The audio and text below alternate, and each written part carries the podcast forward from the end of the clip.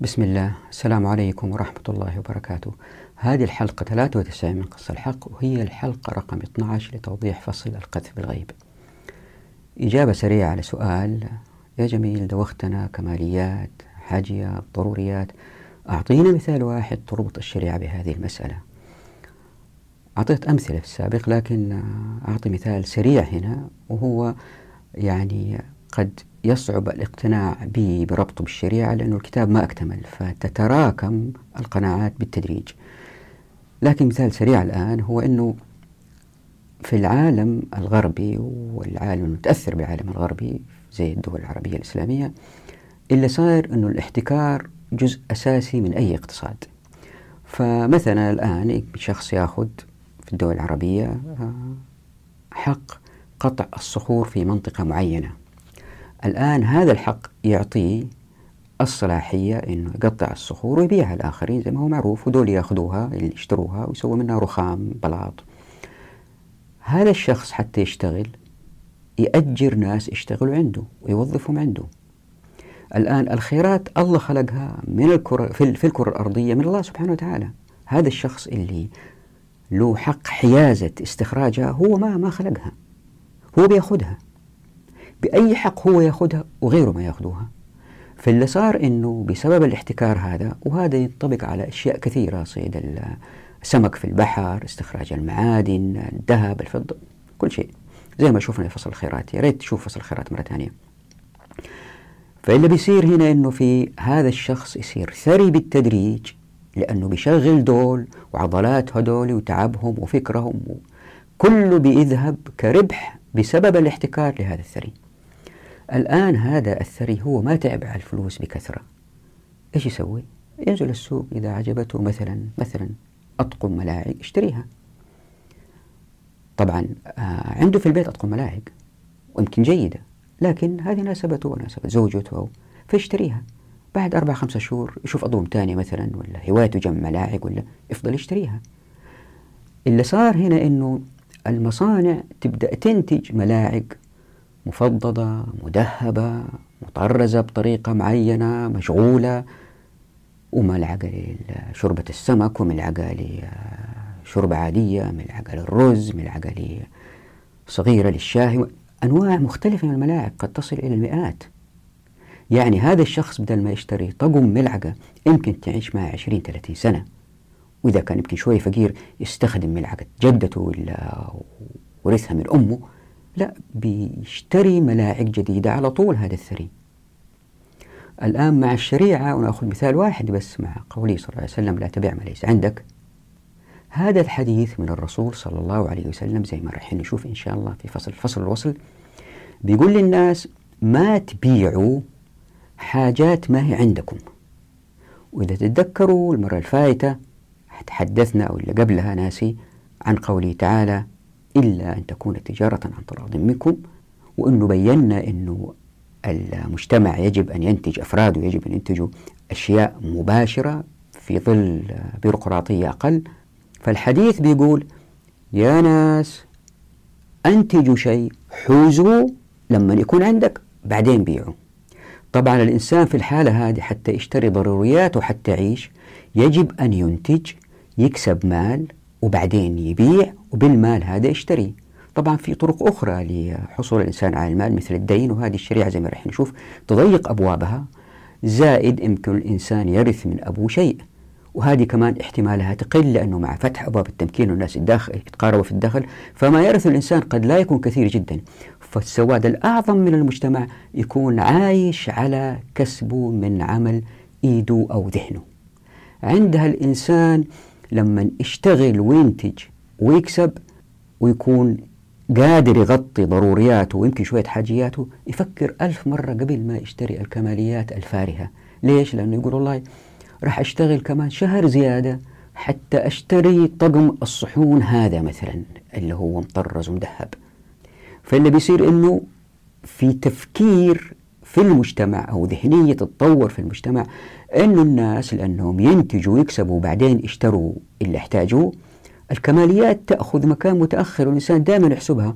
طيب أنا بشغل أسبوع الفائض هذا أشتري فيه طقم ملاعق ولا أروح آه إجازة على البحر ولا أشتري بسكليت لولدي. لذلك نجد الناس يتفاوتوا في هذه المسألة. الفقراء دائما يفكروا المال اللي سيأتي موعودين فيه في آخر الأسبوع لأنهم اشتغلوا يصرفوه في إيش؟ الثري ما يفكر في هذا أبدا. يشتري الملاعق ويشتري البسكليت ويأخذ إجازة ويسوي كل شيء. فعندما يتقارب الناس في الدخل والواحد يبيع اللي عنده وبعدين يشتري السوق يستجيب بتطوير الضروريات. فاللي يصير إنه الطاقة الإنتاجية للبشرية بدل ما تذهب لتطوير ملاعق مفنطزة تذهب لصناعة أدوية أدوية الملاريا مثلا. الناس تموت من الملاريا ونعرف العلاج لكن التكلفة للتصنيع أعلى من دخل كثير من الناس. فكر في أي شيء من حولك حتى من الضروريات ممكن يتطور فالخبز الآن الطازة اللي يخرج من الأفران واحد يكون عنده فرن في البيت يمكن يخبز فيه ويحب يأكل خبز طازة. هذا ما هو موجود لأنه الفرن صعب في البيت وما في آه، أفران طينية فيها أجهزة تدخل الخبز جوا وتخرجه جوا بطريقة إلكترونية وتشوف متى استوى متى ما استوى. هذا الشيء ما هو موجود. فالضروريات ما تحسنت. لكن بناكل خبز اللي جوا بلاستيك توست ولا ما نعرف إيش مصنوع بكميات رأسمالية كبيرة. يمكن أكون أخطأت في أنا هذا المثال. فكر تجد أمثلة كثيرة. القميص الأدوية معدات تسهيل العمل للطلاب. كل شيء فكر فيه. تجد أنه في مجال للتطوير لكن الطاقة البشرية لم تذهب لهذا التطوير. لذلك الآن في اختراعات اختراعات اختراعات. ما معنى الاختراعات؟ يعني في أشياء ممكن تتطور البشرية ما شافتها. وذهب التطوير مثلا إلى صناعة ثريا فارهة نازلة 50 متر من فوق على في في عرض 20 30 متر بينما الملايين من الفقراء ما عندهم إضاءة للمبة واحدة. الحمد لله الآن بالاكتشافات الأخيرة بدأوا بالطاقة الرخيصة هذه البديلة بدأوا. لكن من السابق ما في هذا كله. وزي ما راح نشوف في العلماء إن شاء الله في حيث العلماء بيزدادوا الغنى غنى والفقراء بيزدادوا فقر.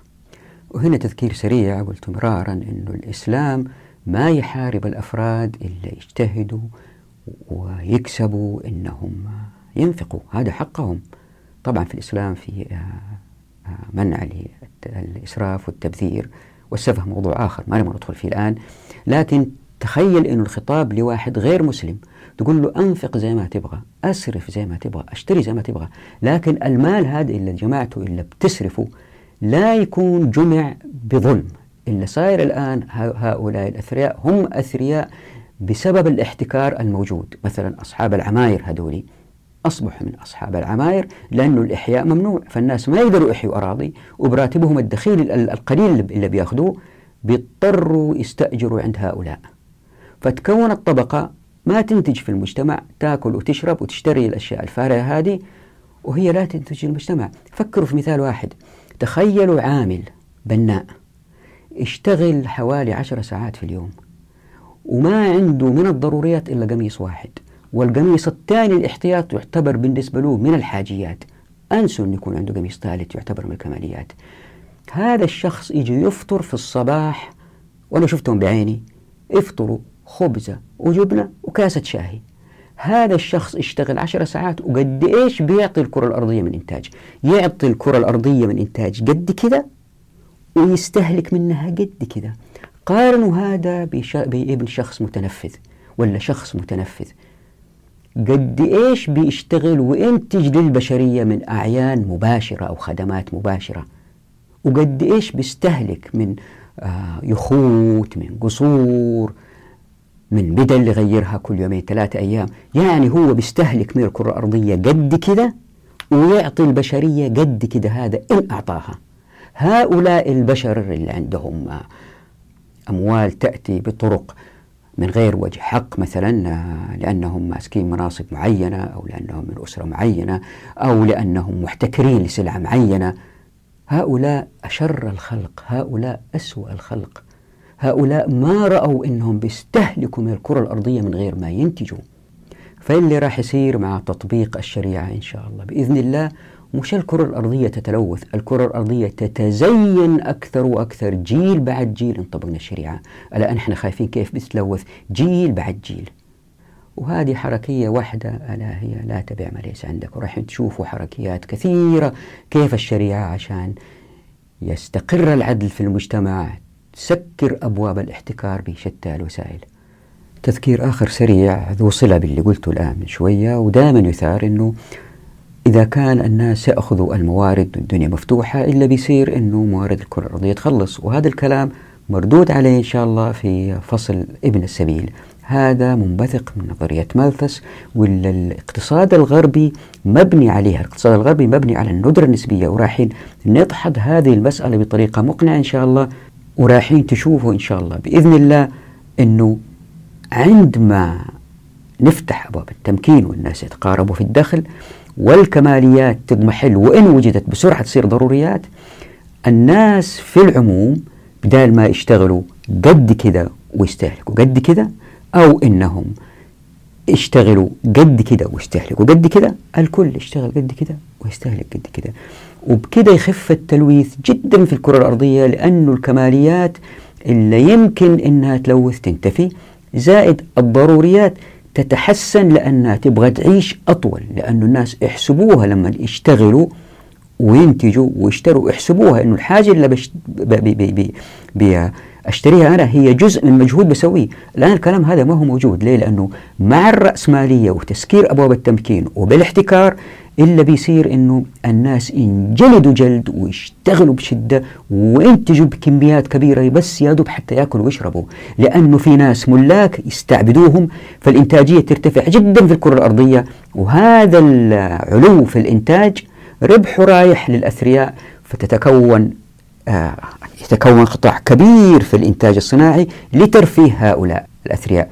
يعني أنا ما بقول يا جماعة الخير وركز ثاني يا أثرياء لا تستهلكوا. لا استهلكوا زي ما تبغوا لكن المال اللي جمعته يأتي بوجه حق وهذا اللي تسويه الشريعة زي ما رايحين نشوف إن شاء الله. بس صبركم علي. والآن إلى الملخص. موضوع هذه الحلقة عن خصائص الرأسمالية. ويا ريت المشاهدين المشاهدات يتكرموا ويقرأوا التعليقات اللي أضعها على الشاشة لأنه أحيانا مهمة وأحيانا أرسل من خلالها بعض الأفكار اللي تختلف عن الكلام. طبعا خصائص الرأسمالية محاولة تغطيتها في حلقة واحدة مسألة شبه مستحيلة. لذلك رأيت وضعها على شكل أفلاك أو بارادايمز في باحث مشهور جدا اسمه توماس كون كتب كتاب The Structure of Scientific Revolutions. واللي وضع فكرة متأكد أنكم كلكم عارفينها هي الأفلاك أو البارادايمز أنه مجموعة باحثين يمضوا في نفس الفلك أو نفس العقيدة أو نفس القناعة ألين تبدأ تظهر مشاكل في هذا الفلك أو هذا البارادايم وبعد كذا يبحثوا عن بديل لاستحداث فلك جديد يتحركوا من خلاله بالأبحاث لفك الغاز أكثر وبكذا تتطور المعرفة. طبعا ليس بالضرورة هذا الكلام صحيح ممكن نقده لكن أنا بستخدم الفكرة حتى تسهل علي توصيل معلومات هذه الحلقة. لب هذه الحلقة ضياع الباحثين في إيجاد نظريات تؤدي إلى سعادة الإنسان. بالتأكيد هذه الحلقة للمتخصصين في علم الاقتصاد راح تكون مملة جدا لأنها أساسيات لكن لغير المتخصصين يا ريت استمروا في مشاهدة هذه الحلقة. المتخصصين يروا هذه المقدمة أو هذا الملخص فقط. راح أبدأ بتوضيح أنه اللي أعطى الرأسمالية قوتها ثلاثة خصائص وقارن هذه الخصائص بالإسلام والإشتراكية. الخاصية الأولى هي أحقية التملك الخاصية الثانية السعي للربح يعني حب الناس للربح. ومثلا أبين أنه هذا التفكير في النظام الرأسمالي لن يؤدي إلى بناء المباني للفقراء لأنه ما عندهم أموال وبالتالي المطورين العمرانيين ما راح يربحوا منهم. فيبقى هذا القطاع الإنتاجي من غير تطوير وبالتالي ترمى هذه المهمة للوزارات فتظهر وزارات الإسكان واللي بالتأكيد توجد مساكن ليست ملائمة مقارنة بباقي الأفراد الأثرياء في المجتمع وهذا سيوجد مشاكل كثيرة بسبب الفارق الطبقي. الخاصية الثالثة هي أسعار السوق كإشارات للمنتجين حتى يقوموا بإنتاج ما يحتاجه المجتمع من خلال العرض والطلب طبعا الباحثين تحدثوا على هذه المسألة وأكدوا على مسألة شفافية السوق وأبين كيف أنه الشريعة أوجدت حركيات تؤدي بالضرورة إلى شفافية في السوق أعلى مما أوجدته الرأسمالية. وأمر على الخصائص الثلاث هذه بسرعة وبين أن الإسلام متميز عن جميع النظم البشرية لكن لأن الشريعة لم تطبق لم نرى هذه التميزات. بعد كده أمر على الإحصائيات سريعا تبين الارتفاع العالي للإنتاج في الرأسمالية. وإلا نغر في بعض الباحثين مثل هايك اللي أخذ جائزة نوبل وقال إنه الرأسمالية ستزيل الفقر. فإذا نظرنا إلى الناس وكأنهم في طابور الغني في أوله والفقير في آخره يتحرك هذا الطابور إلى إزالة الفقر. وطبعا زي ما شفنا في العلماء هذا الكلام غير صحيح أبدا. أزداد الفقراء فقر وازدادت نسبة الفقراء. بعد النظر للخصائص الثلاثة هذه ننظر إلى الميزان الثاني عن العدالة والكفاءة. تذكروا قلنا في ميزان أول عن الثقة والآن نتحدث إن شاء الله عن الميزان الثاني ألا وهو بين العدالة والكفاءة. من خلالها أبين من خلال البارادايمز أو الأفلاك كيف أنه المنظرين الغربيين في الاقتصاد ضايعين تماما. نبدأ بتعريف عن الاقتصاد بعدين تعريف عن الكفاءة وبعدين تعريف عن العدالة في التوزيع. وأحاول أكد لكم أنه الكلام نظريا في الاقتصاد شيء والواقع شيء آخر وهذا إلا ورطاني في المنظرين الاقتصاديين في العالم الغربي. فأبدأ بكتاب محمد عمر شابرة الإسلام والتحدي الاقتصادي وهذا كتاب زي ما معروف أخذ جائزة الملك فيصل العالمية.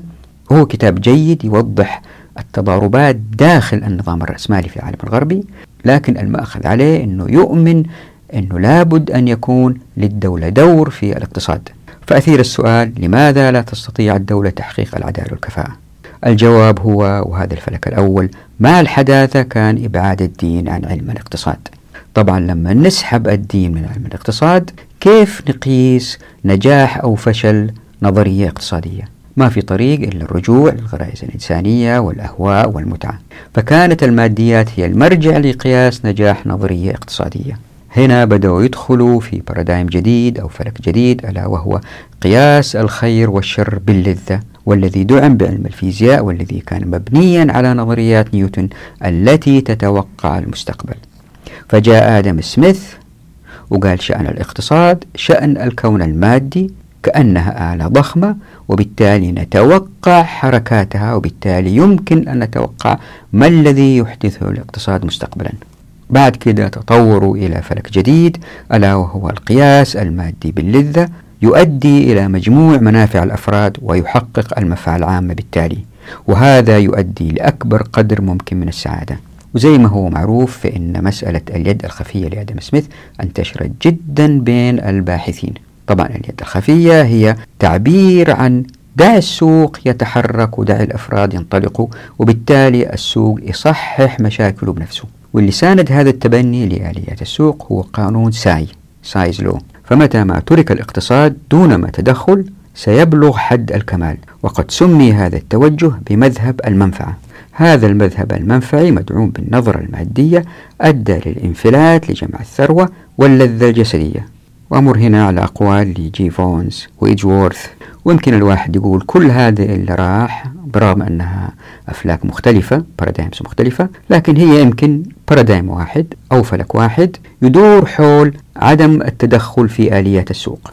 طبعا هذا الانفلات لم يوافق عليه كثير من الباحثين مثل مثل جون ستيوارت ميل اللي ما وافق على هذا التسارع في النمو الاقتصادي ورأى ضرورة التحكم في الشهية للسلع. يعني بدأ يظهر فلك جديد مع ظهور مآسي الرأسمالية فظهرت موجة من الباحثين تنقد الرأسمالية أنها نظام بدون قيم. فاستنتجت وينبي ودورانت أنه لا يمكن إيجاد التضامن الاجتماعي مثلا كمثال بين الناس من غير الدين. فهذا الفلك الذي بدأ ينادي يا ناس ما يمكن نفصل الاقتصاد عن الدين؟ بدأ يأخذ حيز في تفكير بعض الباحثين. فظهر السؤال لماذا هذا الخلل الاقتصادي؟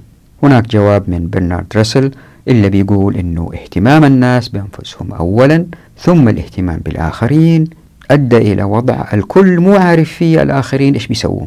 فظهرت فكرة حجاب الجهل على يد واحد اسمه رولز. ووضح معنى حجاب الجهل وهو باختصار كل واحد لما يشتري أو يبيع أو يتصرف في أي عقار أو أي استثمار عندما يتحرك هو يجهل ما في الآخرين وماذا يريدون. واللي بيقول أنه في هذه الظروف اللي فيها حجاب جهل الذي توجد الرأسمالية يستحيل العدل. يعني آلية السوق التي أدت إلى حجاب الجهل زائد المنافسة الحرة التي أدت لتلافي مشاعر البر والخير مع بعض أدوا إلى انفصام تام بين الاقتصاد والأخلاق. يعني هم الآن جاهزين على الأقل في مستوى فكري لظهور فلك جديد أو بارادايم جديد. فكانوا الاقتصاديين مهيئين لظهور فكرة ما يسمى بدولة الرفاهية واللي تعني إعادة توزيع الثروات من خلال التعليم والتطبيب والمواصلات والتقاعد وما إلى ذلك. فظهرت نظرية باريتو أو ما تسمى بمثالية باريتو Pareto optimality ثم أبين استحالة تطبيق نظرية باريتو لأنهم في دوران من نظرية إلى أخرى ما هم عارفين فين يروحوا لأنهم لا يمكن أن يجدوا الحل إلا بالرجوع للشريعة. لسبب واحد بسيط لأن الله سبحانه وتعالى يعلم الغيب فهو الذي يقذف بالحق من مكان بعيد فقط وهم يقذفوا بالغيب من مكان بعيد إذا سيخطئ الهدف بالتأكيد ليه؟ أركز في الحلقة على أنه أي نظرية اقتصادية ما يمكن تطبق إلا بالتفعيل والتفعيل يعني أنظمة وقوانين والأنظمة والقوانين تغير الحقوق من مقصوصة حقوق إلى منظومات حقوقية من نسج العقل البشري القاصر. إذا الفساد والتلوث مصير محتوم للبشرية إن لم تحكم بمقصوصة الحقوق يعني بشرع الله عز وجل. ثم أخيرا ظهرت العولمة كفلك أو برادايم وإن شاء الله يكون الفلك الأخير الذي هو من إنتاج العقل البشري القاصر. وبعدها بإن شاء الله بإذن الله نتفائل أن الشريعة هي التي ستحكم الكرة الأرضية.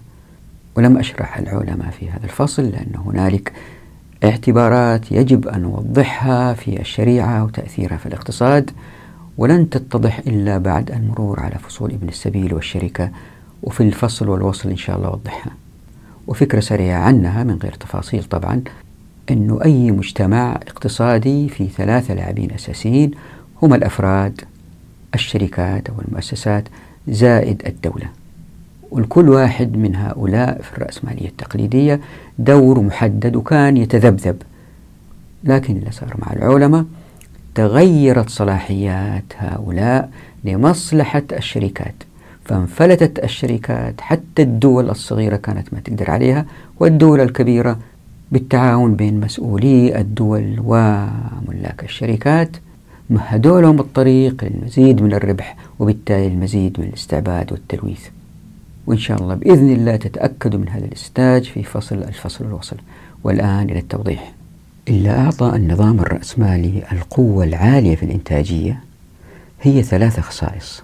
الآن سأذكر هذه الثلاثة الخصائص ولأنها معروفة جدا والكل يعرفها وأقارنها بالإسلام والاشتراكية سريعا. أذكرها حتى تبقى في أذهاننا وإحنا ماشيين في كتاب القصة الحق دائما نقارن بين الإسلام والنظم الرأسمالية والاشتراكية. الخاصية الأولى هي حقية التملك زي ما هو معروف.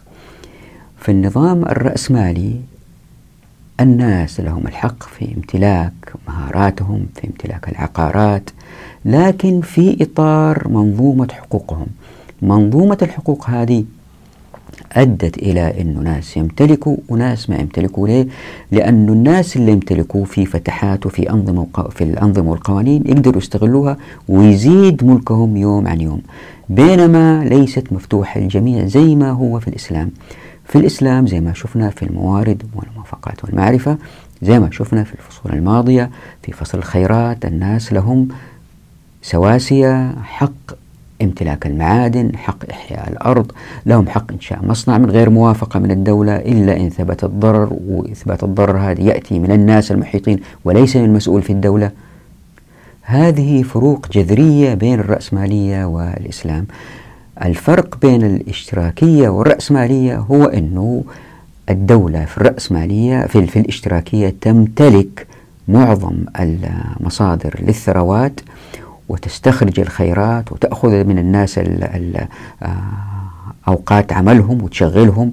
فالإنسان تقريبا إذا النظام اقترب من الشيوعية ما يملك حتى ساعة عمله أبدا وما يملك أي شيء كل شيء ملك للدولة.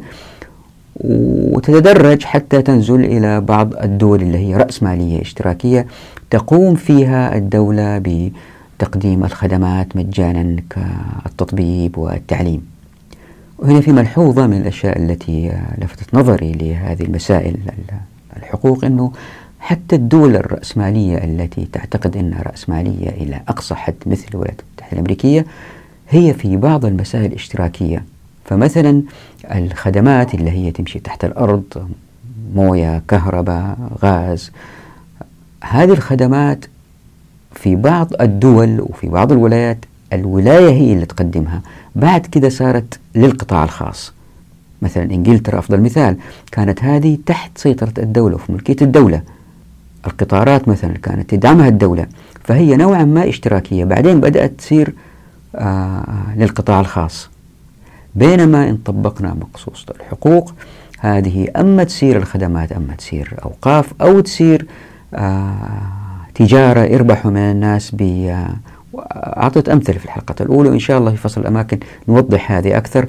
حتى هذه لن تكون في ملك الدولة أو حز الدولة. أقصد المرافق والخدمات. وهذا يؤدي من رفع كفاءتها في الإنتاج. والخاصية الثانية أو الفكرة الثانية التي يمكن نستخدمها للتمييز بين الأنظمة الثلاثة الإسلام والرأسمالية والاشتراكية هي حب البشر للربح. الربحية هي دافع زي ما لاحظ آدم سميث وطور هذه الفكرة هي دافع لتحرك الناس للمزيد من الإنتاج. وهذه في حد ذلك في حد ذاتها قد تكون إشكالية. ليه؟ لأنه ممكن واحد وهذا موجود مش ممكن يسوي مصانع للخمرة. ويمكن واحد يسوي بيوت دعارة. ويمكن يسووا مجلة تصور الفتيات وتبيع صورهم. هم يعني في وضع آه، غير غير مرضي للذوق الإنساني. فاللي بيصير إنه جزء من نشاط المجتمع قد يتجه لما هو ترفي وقد يكون ضار المجتمع لأنه ثبت ضرر الخمره والزنا. بينما في الإسلام الإسلام يحث زي ما راح نشوف في فصل البركة والفصل الوصل والشركة يحث على تسخير موجودة الأرض إلى منتجات يستفيد منها البشر لكن بحيث أنه ما تضر البشر. هنا يكون في اختلاف بين المسلمين وغير المسلمين لأنهم سيرفضوا هذه الفكرة. مع ذلك يمكن الواحد يقول لهم أن تفكيركم في الربحية فقط لن يؤدي إلى إيجاد مصانع تنتج أشياء تفيد الفقراء. مثلا لن توجد شركات تبني مساكن للفقراء لأنه يا دوب يقدروا يشتروا آه، جزء من بيت. فما يستطيعوا بالنظام الرأسمالي هذا الذي يسحب الأرباح للأثرياء ويوجد الفقراء لن يستطيعوا شراء منزل. فمسألة التطوير هذه العمراني أنه جماعة تشتغل لبناء مساكن للفقراء تنتفي. وفي هذا ضرر كبير على الأفراد. لذلك حارت المجتمعات الرأسمالية في هذه المسألة. هل نأخذ ضرائب من الأثرياء ونجعل التطبيب والتعليم والسكن مجانا للفقراء وبالتالي يزداد كسلهم؟ لأنه يقولوا طيب أنا بأدرس مجانا وأولادي بيدرسوا مجانا وكلنا نذهب للمستشفيات مجانا وبناخذ سكن مجانا طيب نشتغل ليش؟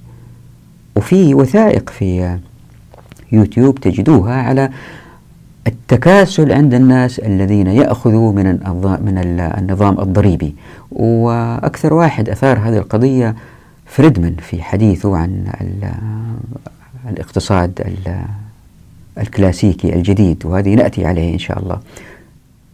ونسيت أوضح في الخاصية الأولى أن الخاصية الأولى اللي هي النظام التملكي كيف الناس يستملكوا. قبل الرأسمالية كانت هناك أنظمة مثل الاستعباد واحد يملك عبد مش بس يملك الشخص يملك شخص ومهاراته ما ينتج أيضا. أو كما هو موجود في أوروبا في عصر النبلاء آه، الإقطاعيين. كانوا يملكوا منتجات الأفراد والأفراد يشتغلوا عندهم ويأكلوهم ويشربوهم. بينما في النظام الاشتراكي لأنه المسألة تخطيط مركزي من الدولة فالربحية ليست آه، وسيلة لإيجاد المنتجات الدولة هي التي ترى أنه هذا صح وهذا غلط وهي تخطط أنه لازم ننتج اليوم كذا مليون خبز. فتوجد المصانع التي توجد هذا الخبز وتوزعه على الناس قد ما يحتاجوا طبعا لهذا آفات كثيرة تحدثنا عنها والكل يعرفها. فالربحية ما هي موجودة تقريبا في النظام الاشتراكي إلا في حدود ضيقة. في النظام الرأسمالي هي الدافع والذي قد يؤدي إلى إيجاد منتجات تضر المجتمع وتضر الأفراد. في الإسلام هناك صفاية تمنع الربحية من بعض التخصصات أو بعض المجالات مثل الدعارة والخمرة وما إلى ذلك ومع سمو قيم المجتمع مع تطبيق الشريعة لأجيال اللي بيصير أنه ترتقي المنتجات أكثر وأكثر وأكثر زي ما رح زي ما رح نشوف إن شاء الله بإذن الله. وبالإمكان تلخيص الوضع بالقول بأن الرأسمالية الغربية هي حرية مطلقة في القيم مع عدد أقل نسبيا من الملاك في المجتمع. وفي ذات الخندق نجد أن الاشتراكية تتفق مع الرأسمالية في إطلاق القيم ولكن مع عدد قليل جدا من الملاك. وفي النقيض فإن الإسلام هو مجتمع تكون فيه نسبة الملاك أعلى ما يكون مع بعض التقييدات في القيم.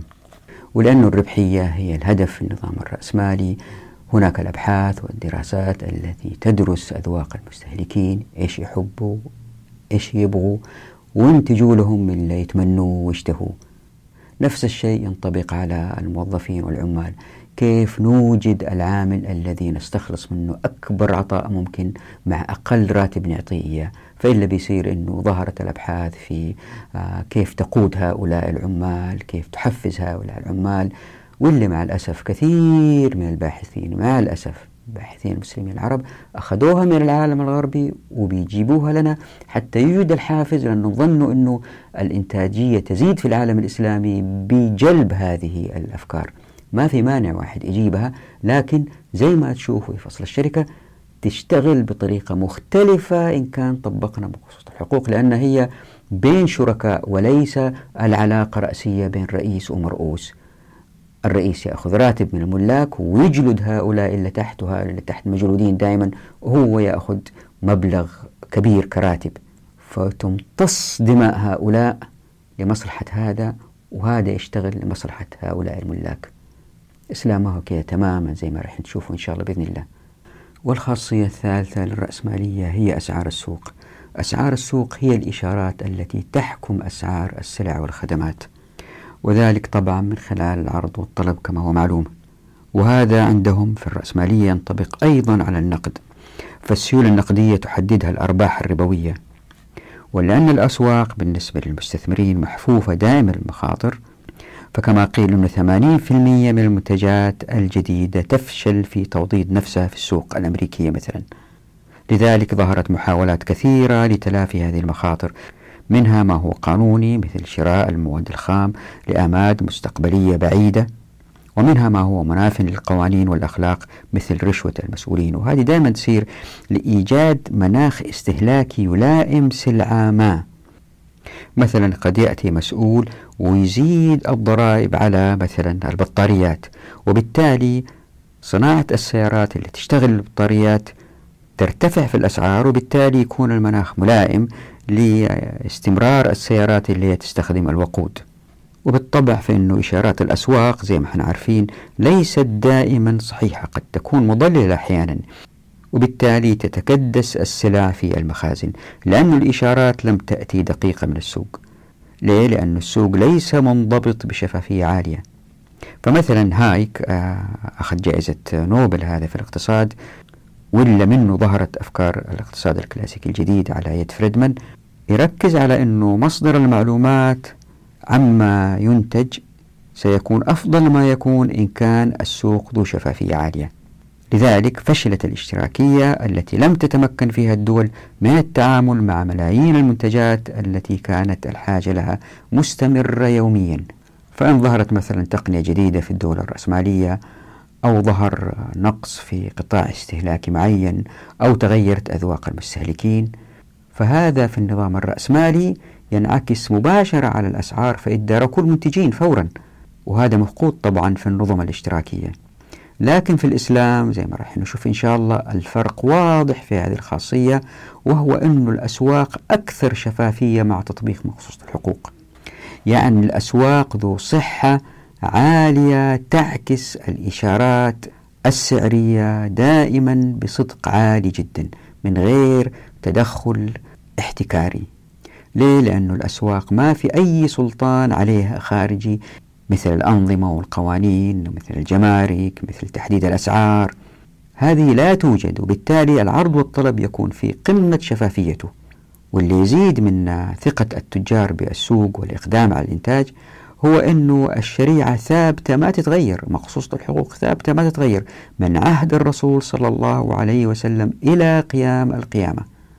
وليست أنظمة تتغير بمزاج النظام الحاكم هل هو يميني يساري دكتاتوري جمهوري ديمقراطي. فالمزيد من الاستقرار يؤدي للمزيد من إدراك الجميع لأحكام السوق وهذا يزيد من ثقة التجار والمستهلكين والمنتجين. فيتبنوا قرارات أحيانا تجارية مستقبلية ذات جرأة تؤدي للمزيد من الإنتاج. فزي ما رح نشوف إن شاء الله في فصلي الفصل ووصل البركة بإذن الله هو الذي يحدد أسعار التبادل للسلع والخدمات ليس أي سياسي أو حزب أو عقيدة. طبعا هناك محرمات زي الربا والاحتكار وكل هذه حركيات تزيد من شفافية السوق. فقط إذا تذكرنا حديث الرسول الذي يمنع بيع الحاضر للباد هذه في ذاتها تؤدي إلى المزيد من الشفافية إن شاء الله. بإذن الله زي ما رح نشوف.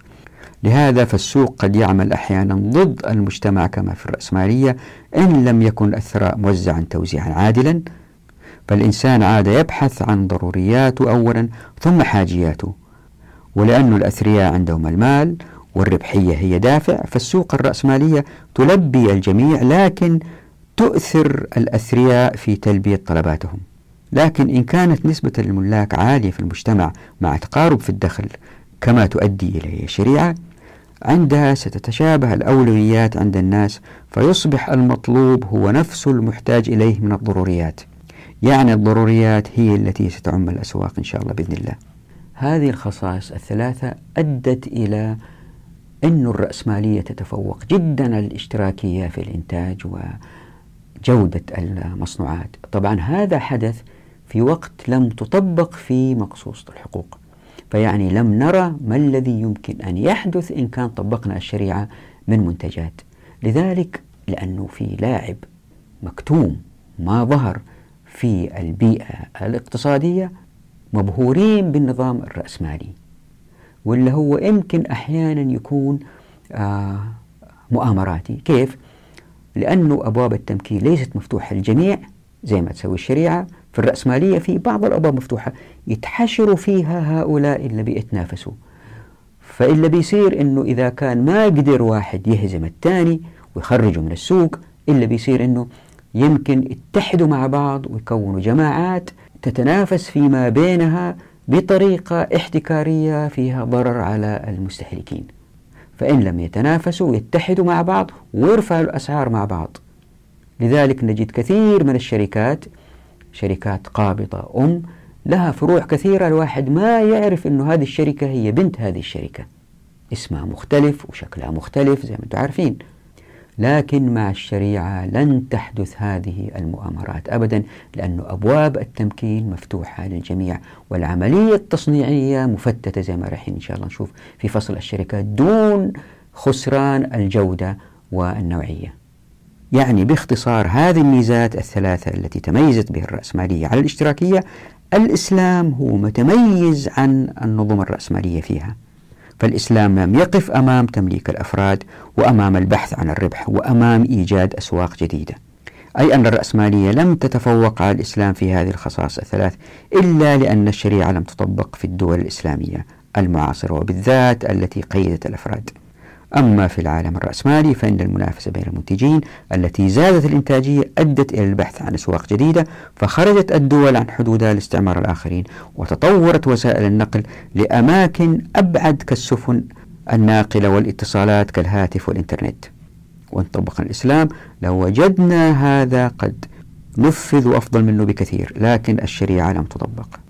وهكذا ازدادت المنافسة في النظام الرأسمالي لتزداد الإنتاجية للفرد. فقد ارتفعت الإنتاجية منذ السبعينات من القرن الثامن عشر حتى آخر القرن العشرين تسعة أضعاف في الولايات المتحدة الأمريكية وأحد عشر ضعفا في ألمانيا وخمسة وعشرين ضعفا في اليابان. بالطبع فإن هذا رفع من المستوى المعيشي لشعوب هذه الدول.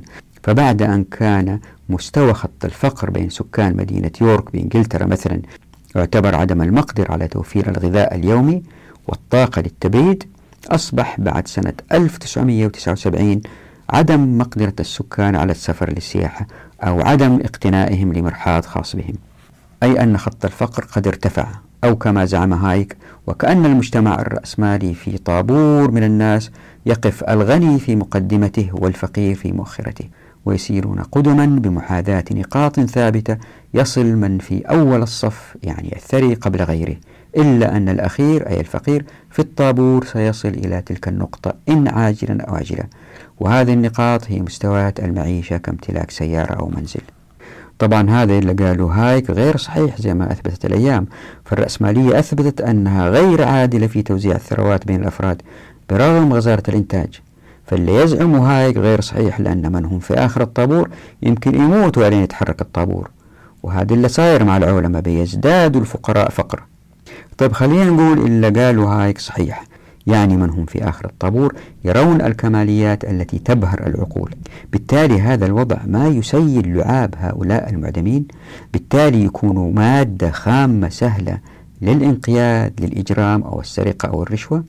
كده تفسد النفوس في مجتمع يمطر الناس بالدعايات للكماليات التي تشعر الفقير بأنه ناقص لأنه لم يستمتع بتلك الكماليات كالسفر للمتعة في إجازة. وعندما تفسد نفوس بعض الفقراء يفسد المجتمع. مجرد وجود فاسد واحد يكفي لإفساد الكثير. فقط واحد يبيع مخدرات اقنع الآخرين بشربها. وهذا أمر معلوم وأكيد. ألا يقال أن الصاحب ساحب؟ ألا يقال أيضا قل لي من تصاحب أقول لك من أنت. هذه أهم ثلاثة خصائص. بالطبع هناك خصائص أخرى. فمثلا وصلت في أحد كتب الاقتصاد إلى عشرة خصائص أو مقومات. مثل تراكم رأس المال لدى المصارف والمؤسسات المالية وأرباب العمل للقيام بالمشروعات المستحبة ومنها تمتع العمال بحرية التعاقد وفي التكتل في نقابات تسعى لحمايتهم من سيطرة أصحاب رؤوس الأموال وهكذا إن شاء الله من خصائص نأتي عليها إن شاء الله بإذن الله. فقط اللي أبغى منكم أنكم تتذكروا هذه الخصائص حتى نقارنها بالإسلام وإحنا ماشيين في كتاب قص الحق. قلنا في أحد الحلقات السابقة أنه في ميزانين مسألتين أحتار فيها العقل البشري وأنه المسألة الثانية اللي هي ميزان العدالة والكفاءة. الاقتصاد الإنساني اللي هو من نسج عقل البشر أحتار في هذه المسألة. الهدف طبعا من كل النظريات في الاقتصاد هو إيجاد اقتصاد يؤدي إلى تلبية آه، حاجات الفقراء يؤدي إلى نمو اقتصادي يؤدي إلى رغد وسعادة. لكن هذا ما حدث أبدا. فما في دولة تمكنت من ذلك. فالدول ذات التخطيط المركزي الاشتراكية مثلا سقطت. أما الدول الرأسمالية أو دول اقتصاد السوق فقد أخفقت أيضا من خلال عدم استقرار اقتصادها والتي تجلت في التقلبات الاقتصادية المتكررة وارتفاع معدل التضخم والاحتكار والبطالة وحالة العجز الشديد في الميزانية العامة وتقلب أسواق النقد الأجنبي والسلع والأسهم.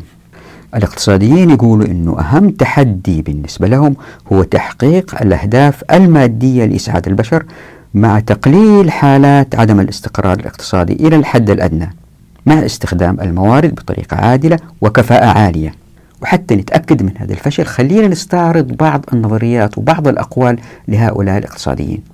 خلينا نبدأ بتعريف مثلا عن الكفاءة مما أورده شابرا وهو باحث حصل على جائزة الملك فيصل للاقتصاد الإسلامي فبيقول فيمكن القول أن اقتصادا ما قد حقق الحد الأمثل من الكفاءة إذا تمكن من استخدام كامل إمكانيات الموارد البشرية والمادية المتاحة بحيث يمكن إنتاج الحد الأقصى الممكن من السلع والخدمات التي تلبي الحاجات مع وجود درجة معقولة من الاستقرار الاقتصادي.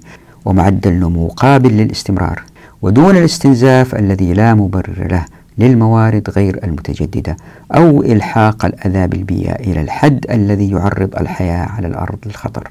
هذا بالنسبة للكفاءة.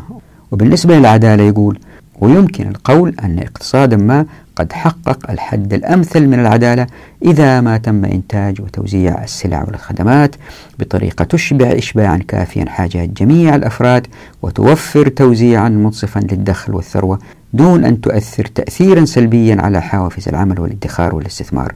وروح المبادرة في مجال الأعمال. أبغاكم يا إخوان عندما تقرأوا أي كتاب اقتصاد تركزوا على الآتي عندما تروا التعاريف والنظريات وكم هي فذة كلام شيء وتحقيق هذه النظريات على أرض الواقع شيء آخر. لأن هذه النظريات إن فعلت تصير حقوق وبالتالي الحكم يصير بغير ما أنزل الله. ولأنهم لا يعلموا الغيب فهم يقذفوا بالغيب مكان بعيد. واللي بيصير إنهم يزيدوا الكرة الأرضية تلوث. هم محتارين بين الكفاءة والعدالة في هذا الميزان. يتأرجحوا كذا وكذا. وكتاب آه، محمد عمر شابرة كتاب آه، الإسلام والتحدي الاقتصادي من أفضل الكتب الذي فضح تركيبة داخلية للنظام الرأسمالي. وهذا الكتاب أخذ جائزة الملك فيصل العالمية وأنا استفدت منه حقيقة يعني جدا. لكن مشكلة هذا الكتاب اللي أثر في كثير من الباحثين اللي جو بعده وكثير من النظريات التي لا تنبثق من مخصوصات الحقوق والتي تنظر الاقتصاد كان نظرة مجردة بربطها بالحقوق لكن ليس ربط شديد بحيث أن الحقوق تكون هي الأصل إلا صار أنه جميع هذه النظريات التي تحاول تأسلم الاقتصاد هي بالنسبة لي أنا نظريات فاشلة. فمثلا بعد تعريف الكفاءة والعدالة شابرا يوضح يقول وبما أن النظم الاقتصادية هي التي تقوم بالدرجة الأولى بالتصدي لمسألة تحقيق الكفاءة والعدالة فإن النهج الأرشد هو اعتماد نظام اقتصادي من شأنه أن يعمل على تحقيق كل من الكفاءة والعدالة. ويمكن لاحظت أنه كلمة اعتماد تؤمن بأن هذين الهدفين هما من مهام النظم الاقتصادية والتي لا تتحقق إلا بدور مرئي للدولة للمحافظة على التوازن بين الموارد والطلبات على الموارد. شوفوا لا تتحقق إلا بدور مرئي للدولة. الدولة لما يكون لها دور كيف يكون لها دور؟ إذا كان تطبيق مقصوص الحقوق فالدولة ما لها دور. لكن إذا يبغى يكون لها دور غير اللي أتت به الشريعة هنا تغيرت مقصوصة الحقوق بالتالي يختل التوازن بين الموارد والطلبات. فوضعت تحت الحرف صاد مثلا التوضيح اللي شابرة بيقولوا إن تخصيص الموارد بكفاءة وتوزيعها على نحو عادل تقتضي من كل نظام اقتصادي الإجابة على الأسئلة الاقتصادية الأساسية الثلاثة المعروفة وهي ماذا ننتج وكيف ولمن؟ كم من السلع والخدمات البديلة ننتج؟ هذا ما هو قرار دولة هذا قرار أفراد. ومن ينتجها؟ وبأي مجموعة من الموارد؟ وبأي طريقة تقنية؟ يعني تكنولوجية. ومن هم الذين سيتمتعون بالسلع والخدمات التي يتم إنتاجها وإلى أي مدى؟ هذا كلام هو. إن الإجابة عن هذه الأسئلة لا تحدد تخصيص الموارد في اقتصاد ما فحسب بل تحدد أيضا توزيعها بين الأفراد وبين الحاضر الاستهلاك يعني والمستقبل يعني الادخار والاستثمار. ويغطي التخصيص والتوزيع جزءا أساسيا من الاقتصاد ويحدد في خاتمة المطاف ما إذا تمت تلبية حاجات جميع الأفراد وما إذا كانت جميع الأهداف الاجتماعية الاقتصادية الأخرى قد تحققت. وما إذا كان يوجد ما يكفي من الحوافز ليقوم الناس ببذل أفضل جهدهم لتحقيق تلك الأهداف. إن الاختبار الحاسم لأي نظام اقتصادي لا يكمن في أهدافه المعلنة بل في تحقيق تلك الأهداف. وهنا الإشكالية اللي بيشوفوا شابرة ولا مثله يدرسوا في النظام الاقتصادي الغربي ويحاولوا يأسلموه أنه عندما يتم تحقيق هذه الأهداف هو يتم من منظور الدولة وعندما يتم تغيير الأهداف هو من منظور الدولة وهذه كلها تؤثر في مخصوصات الحقوق وتغيرها إلى نظام من إنتاج العقل البشري القاصر.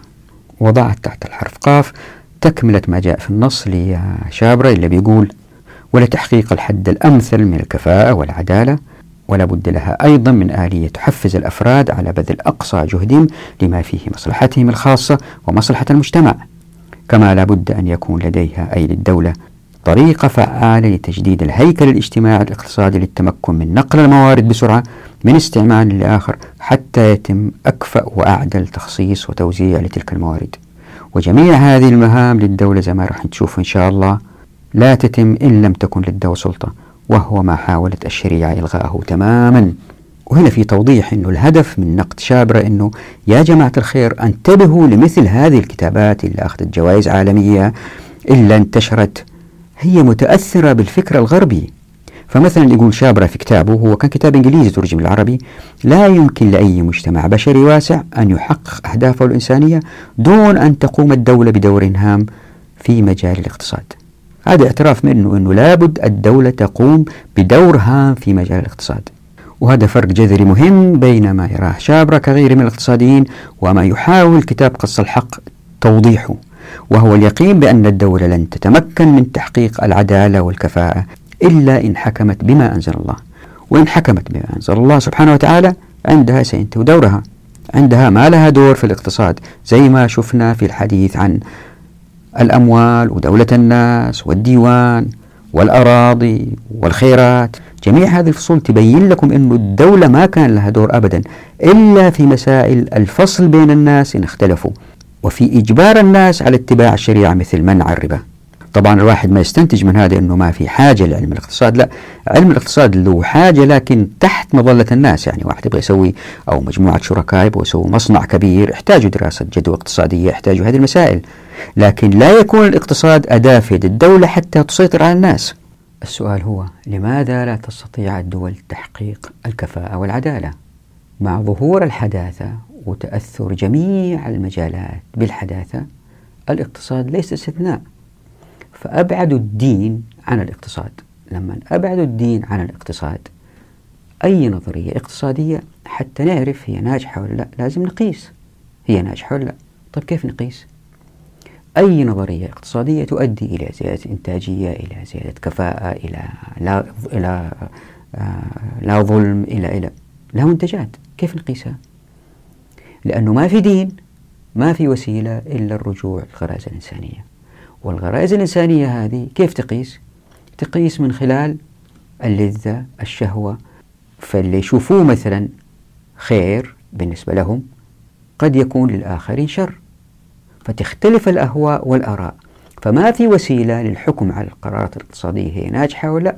إلا اللذة الشهوة إلا هو خير ولا شر من نظرهم. فالقرار هذا مستحسن أو غير مستحسن كيف نقيسه؟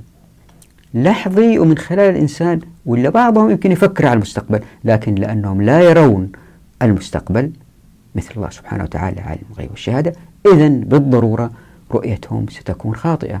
خلينا نقول هذا الكلام ما يؤمن فيه غير المسلمين. فالطريقة الوحيدة لقياس قرار اقتصادي ناجح أو غير ناجح هو من خلال الغرائز الإنسانية التي يمكن أن تقاس من خلال الماديات. فالماديات صارت هي المرجع الوحيد تقريبا لقياس نجاح نظرية اقتصادية. وهذه النظرة المادية اللي تبنوها علماء الاقتصاد لأنهم اعتقدوا أن الخير والشر عنصران يمكن قياسهما ماديا ولأن الألم واللذة يمكن قياسهما هذه كلها أتت من علم الفيزياء اللي تأثر بنظريات نيوتن واللي جاء آدم سميث ولخصها بأنه قال عن الفيزياء النيوتنية هي النظرة التي مفادها أن الحياة الاجتماعية والاقتصادية شأنها في ذلك شأن الكون المادي مثل آلة ضخمة تنتج حركاتها المنتظمة والمنسجمة ألوفا من الآثار المحببة للنفس. ومنذ ذلك الحين كما يقول شابرا وعلماء الاقتصاد واقعون تحت التأثير القوي لصورة مهيبة لقوانين الفيزياء كما أنهم يساقون أحيانا وراء الأمل في وجود مجموعة من قوانين الحركة الاقتصادية تماثل في قوتها قوانين نيوتن. يعني تأثروا بعلم الفيزياء ولأن الكون ممكن مراقبة حركاته والتوقع بما سيحدث مستقبلا قالوا الاقتصاد نفس الشيء. ممكن أن نتوقع ما الذي يحدث مستقبلا من خير وشر وممكن نقيسه. ولأن الألم واللذة أصبحا المعيارين الأهم في الحكم على القرارات فالإنسان الصالح بناء على هذه النظرية هو الذي يسعى لتحقيق الحد الأقصى لمنفعته. والمجتمع الصالح هو المجتمع الذي يسعى لتحقيق الحد الأقصى لإجمال المنفعة كلها. وبهذا فإن سعى كل فرد لتحقيق لذته فإن هذا سيؤدي إلى أكبر قدر ممكن من السعادة لأكبر عدد ممكن من البشر لأنه يفترض وجود انسجام تام بين المصالح العامة والمصالح الخاصة. وزي ما أنتم عارفين نظرية آدم سميث عن اليد الخفية نادى آدم سميث بأنه إذا سعى كل فرد لتحقيق مصلحته الخاصة فإن اليد الخفية أي قوى السوق من خلال المنافسة ستؤدي إلى تعزيز مصلحة المجتمع ما يؤدي إلى الانسجام بين المصالح الخاصة والخير العام.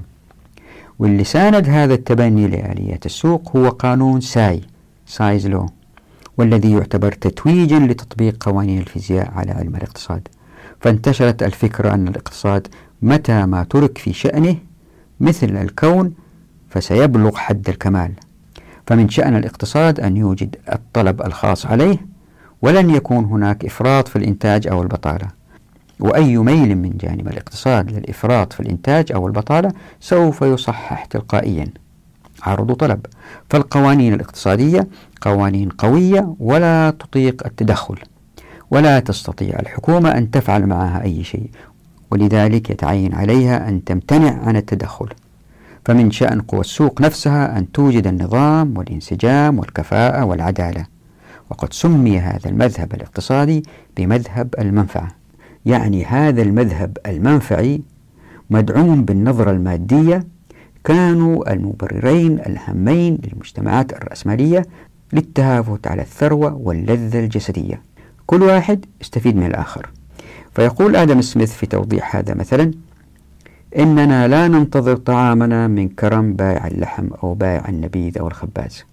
ولكن من الاعتبارات التي يملكونها بأن مصلحتهم الخاصة تقضي بذلك. فنحن لا نتوجه بطلبنا إلى إنسانيتهم وإنما إلى أنانيتهم ولا نكلمهم عن حاجاتنا وإنما عن مصلحتهم. فكان الاستهلاك هو طريق لساعة المجتمع لأنه يعكس مصالح الأفراد فظهر مفهوم الإنسان الاقتصادي الذي أصبح هو محور علم الاقتصاد. لذلك كانت المصلحة الذاتية تعتبر هي المبرر للأفعال. وهذا ما دعاه جيفونز آلية المنفعة والمصلحة الذاتية.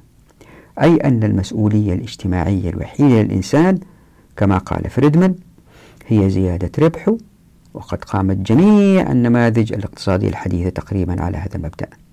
حتى أن إيجورث أعلن مفاخرا إن المبدأ الأول لعلم الاقتصاد هو أن كل عالم لا تحركه إلا المصلحة الذاتية. طيب هل هذا الكلام صحيح؟ طبعا لا. هناك استثناءات بقيت في إطار نظري ولم تتحقق على أرض الواقع. فقد آمن جون ستيوارت ميل مثلا بقبول مستوى معين من التنمية قد يصل إلى حالة السكون للسيطرة على الإنسان ليتحكم في شهيته للسلع المادية وليستقر التعداد السكاني. وعندها يتم تخفيض ساعات عمل الأفراد مع التقدم التقني لصالح نشاطات أخرى كالفنية أو الدينية. وقد أطلق سنة 1968 ميلادي للتعبير عن هذا الفكر شعار لا تخسر حياتك من أجل أن تربحها. ومع الزمن اللي صار أن الواقع الرأسمالي استمر في اقتصاده دون قيم دينية وهذا أثار الكثير من التحفظات الباحثين اللي لاحظوا أنه فشل الرأسمالية وظهور الفارق الشاسع بين الفقراء والأغنياء. لابد تكون له خلفيات إحنا ما إحنا منتبهين لها. لذلك ظهرت موجة من المفكرين اللي برروا ذلك أنه الرأسمالية نظام ماله دين يعني هو نظام خالي من القيم. مثلا الباحثين توينبي وديورنت بعد الدراسة الواسعة للتاريخ استنتجوا أنه لا يمكن تحقيق السمو الأخلاقي والتضامن الاجتماعي بدون التأييد الأخلاقي الذي يوفره الدين أيضا المؤلفين ويل وآريل استنتجوا أنه لا يوجد مثال هام في التاريخ قبل زماننا لمجتمع نجح في المحافظة على الحياة الأخلاقية دون عون الدين طيب السؤال لماذا هذا الخلل؟ الجواب مثلا بن راد رسل بيقول إنه معظم الناس اهتموا بالأشياء اللي تهمهم أول بعدين الآخرين، يعني واحد عنده فائض مالي يروح يشتري مثلا ساعة غالية وما يفكر في الفقراء. ليه؟ لأنه هو مقتنع أنه هو كسب هذا المال بوجه حق وأنه هو إنسان يستاهل هذا العطاء من المجتمع له. وطبعا هذا أمر فطري وغريزة لا مفر منها عند الكثير وبالذات إن انعدم الوازع الديني. يعني الناس يسعون لتحقيق مصالحهم الخاصة دون إدراك للأثر الذي يحدثه على الآخرين. وفي واحد اسمه رولز وضع مبدأ وسماه بحجاب الجهل واللي يعبر بموجبه كل مشارك في الاقتصاد عن تفضيله دون أن يعرف أي شيء عن مركزه الخاص الاجتماعي والاقتصادي ودون أن يعرف القيمة السوقية لموهبته الخاصة. يعني الواحد لما بيتصرف ما هو عارف الآخرين إيش عندهم وإيش إمكانياتهم. بيتصرف في حدوده ودون أن يعرف عن العناصر الأساسية الأخرى التي تلعب دورا هاما في عملية اتخاذ القرار. وهنا كمان يظهر سؤال ثاني محير. كيف يمكن لمجتمع أفراده كل واحد يغلب مصالحه الخاصة من غير ما يفكر في مصالح الآخرين؟ كيف نوجد مجتمع عادل في هذه الظروف؟ طبعا هذا محال من خلال آلية السوق التي تعكس حجاب الجهل. ومن جهة ثانية المنافسة الحرة أدت لتلاشي مشاعر البر والخير والإحسان بين الناس ليطغى عليهم الجشع والأنانية واستعباد الآخرين. وبهذا الانفصال بين علم الاقتصاد والأخلاق ظهر توجه بين الاقتصاديين نحو ما يسمى بدولة الرفاهية والذي تتدخل فيه الدولة في إعادة توزيع الثروات من خلال التعليم والعلاج المجانيين ونحوهما من خدمات. وللوصول لهذا الهدف تبنت الدول ما يعرف في علم الاقتصاد بمثالية باريتو Pareto optimality والتي تقول أن النهج الاقتصادي المقبول يعني النظرية الجيدة هو اللي قراراتها تؤدي إلى أنه تحسين حال البعض إذا لم يكن الكل دون الضرر بأي فرد لكن نظرية باريتو هذه مستحيلة جدا ليه؟ زي ما وضحت وقلت مرارا أنه المستهلكين في العادة يبرروا لأنفسهم الاستهلاك. فمثلا هذا الثري اللي يشتري مثلا سيارة ممتازة جيدة يبرر لنفسه أنه هو يستاهل هذا الشيء وأنه هؤلاء الفقراء كسالى عندهم بلادة ما يحبوا يشتغلوا ما عندهم إبداع. ما يبرر أنه المسألة مسألة احتكار ولا يمكن يبرر أنه هو ورث هذا المال من أبوه وعمارة 20 30 دور. إلا هذاك جابها لأنه أبواب التمكين مغلقة. هو لا يرى كل هذا. وأيضا لا يرى حاجاته إلا بيستخدمها أي منها ضروري أي منها لا. الكماليات ياخذها بالهبل وما يفكر أية هو في حاجة له أكثر ولا لا. وبالتالي يلوث الكرة الأرضية. طبعا اللي يساعد على كل هذا وسائل الإعلام التي تعبيه محل ما يروح بالدعايات ليل نهار وتقنعه أنه إذا ما أشترى هذه الماكينة للحلاقة هو يمكن يكون ناقص عن الآخرين. أو زي ما قال قال بريث فإن جميع أشكال إقناع المستهلكين تؤكد أن استهلاك السلع هو أكبر مصدر للسرور وأعلى مقياس للإنجاز البشري. يعني التباهي الاستهلاكي أو شراء الحاجيات للزهو والتفاخر وإشباع الذات دون ما حاجة. ومن دعم الإعلانات ليل نهار عن البضائع التي تزيد الاستهلاكية مع مقدرة الناس على الاقتراض من خلال بطاقة الائتمان وهذه لن تؤدي إليها الشريعة زي ما راح نشوف. كل هذا أدى لإيجاد مجتمع مستهلك من الطراز الأول. وطبعا في نظريات كثيرة وأفكار كثيرة تنتقد أو دراسات تنتقد الفكر الرأسمالي أنه خاوي من القيم. طيب الجواب هو ما هو الحل؟ هو على مستوى عاطفي. نعم ننتقد الرأسمالية على مستوى عملي منطقي. أعطونا حل. ما في حل. ليه؟ لأنهم بعيدين عن الأديان. ما هو المتوقع من رجل ثري وجمع الأموال؟ لأنه عنده وكالة لنوع معين من السيارات أو عنده مصنع اسمنت ممنوعين الآخرين من صناعة من إيجاد مصنع مثله ويحتاج رأس مال كبير. وهو عنده رأس مال هذا إلا ورثه من أبوه إلا كان في نظام احتكاري ولا كان مسؤول في دولة أو أو ما المتوقع منه عندما يكسب؟ عندما يعطي الفقراء يصفقوا له ويطبلوا له ويزمروا له. لكن مشكلة الناس يبغوا تطبيل وتزمير الناس بيصرفوها في هنا وهنا. وهذا شيء ملاحظ لذلك الكماليات الفارهة في الأسواق معبي الأسواق. فما المتوقع من هؤلاء الأغنياء إلا وجدهم النظام الرأسمالي العطف على الآخرين؟ ولماذا نوجد نظام اقتصادي يعتمد على منة هؤلاء الأفراد على الناس. هم كسبوا المال بطريق غير وجه حق. والعالم الغربي الذي لا يريد أن ينظر إلى الإسلام لا يمكن أن يأتي بنظام يفلح. الحل الوحيد هو فتح أبواب التمكين في الموارد والموافقات والمعرفة وتقارب الناس في الدخل وبالتالي السوق يستجيب للوضع اللي هو مستحدث بعد تطبيق مقصود الحقوق إن شاء الله بإذن الله. لذلك هم في علم الاقتصاد الغربي دايرين في فراغ دائرة مفرغة. نظرية جديدة زي ما راح تشوفوا إن شاء الله النظريات القادمة كينز هاي ينتقدوها يرجعوا لل... يدوروا يدوروا يدوروا يدوروا. أي أن الكماليات الفارهة التي أصبحت ضروريات للأثرياء والتي تؤدي المزيد من الاستهلاك وبالتالي المزيد من حب المال للتلذذ بالحياة وبالتالي المزيد من تسخير الناس للحصول على المال ومن ثم الاستعباد لهي السبب الأهم لفساد مجتمعات يتلوى فيها مليار فرد من الجوع أو أكثر. وطبعا ما كان هذا الاستعباد والجوع إلا بسبب ظهور البطالة بسبب قفل أبواب التمكين على الناس. لكن كيف قفلت الرأسمالية أبواب التمكين على الناس؟ هذا هو موضوع الحلقة القادمة. نراكم على خير. نتوقف هنا. في أمان الله ودعواتكم.